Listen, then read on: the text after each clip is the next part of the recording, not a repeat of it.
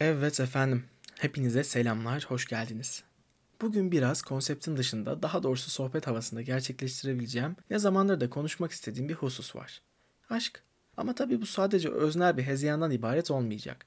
Sesli düşünürken sizinle çıkmaya çalışacağım işin içinden. Ancak tabii öncelikle gelin bir tanımları okuyalım. Neymiş bakalım bu aşk? Efendim diyor ki Google amcamız bir kimse ya da bir şeye karşı duyulan aşırı sevgi ve bağlılık duygusu. İki ayrı cinsin birbirine karşı duydukları bedensel ve ruhsal güçlü duygu sevgi ilişkisi. Peki gerçekten böyle mi bu? Yani hep mutluluk mu var aşkın içerisinde? Hep mi mutlu oluyoruz biz? Yani iki taraftan biri seviyorsa diğerini, tanımda da dediği üzere birbirine bağlıysa mı aşk yaşanıyor sadece? Bence değil. Hatta eminim ki çoğu kişiye göre değil. Karşı tarafın umrunda dahi olmasanız siz kendi kendinize bir şeyler yaşamaya başlıyorsunuz. İçinizde bazı reaksiyonlar oluyor. Tabi bu sadece ruhsal veya psikolojik açıdan değil.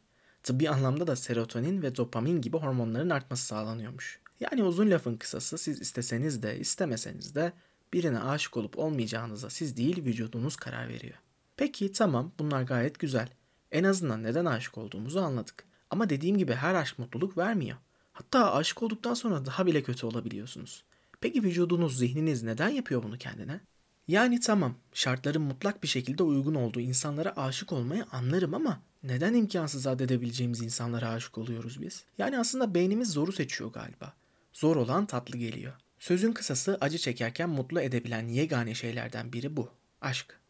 Hatta herkes kendi hayatından örnekler de verebilir bu duruma. Kimisi der ki yaşadığı halde yaşamadım. Kimisi der ki acı çektiği halde acı çekmedim. Kimisi de der ki nasıl ve nerede olursam olayım büyük bir ciddiyetle yaşadım. Ben de o sınıfa dahil oluyorum efendim. Yaşamak ağır basıyor bazen. O duyguyu yaşamak ağır basıyor. Kitlenip kalıyor insan. Söylemek istediği o kadar çok şey oluyor ki ama tabii hiçbirini söyleyemiyorsun. Bazen de kızdırıyorsun karşındakini. Ne yaptığını bilmeden kızdırıyorsun. Kızıllar yeşile karışıyor.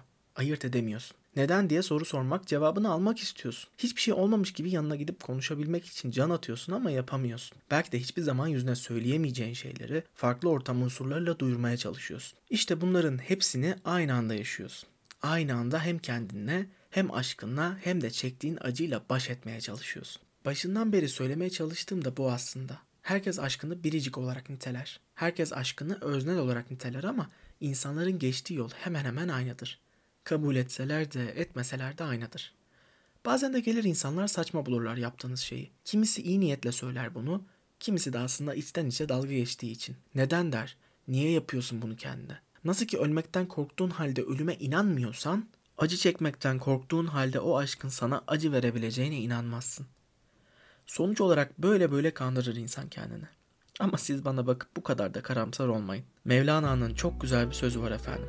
Der ki, bir gün gelir açmaz dediğin çiçekler açar, gitmez dediğin dertler gider, bitmez dediğin zaman geçer. Ama hayat öyle bir şeydir ki önce şükür, sonra sabır, sonra da inanmak gerekir. Her ne olursa olsun inancımızı kaybetmediğimiz, kaybetmeyeceğimiz zamanlara. Esen kalın.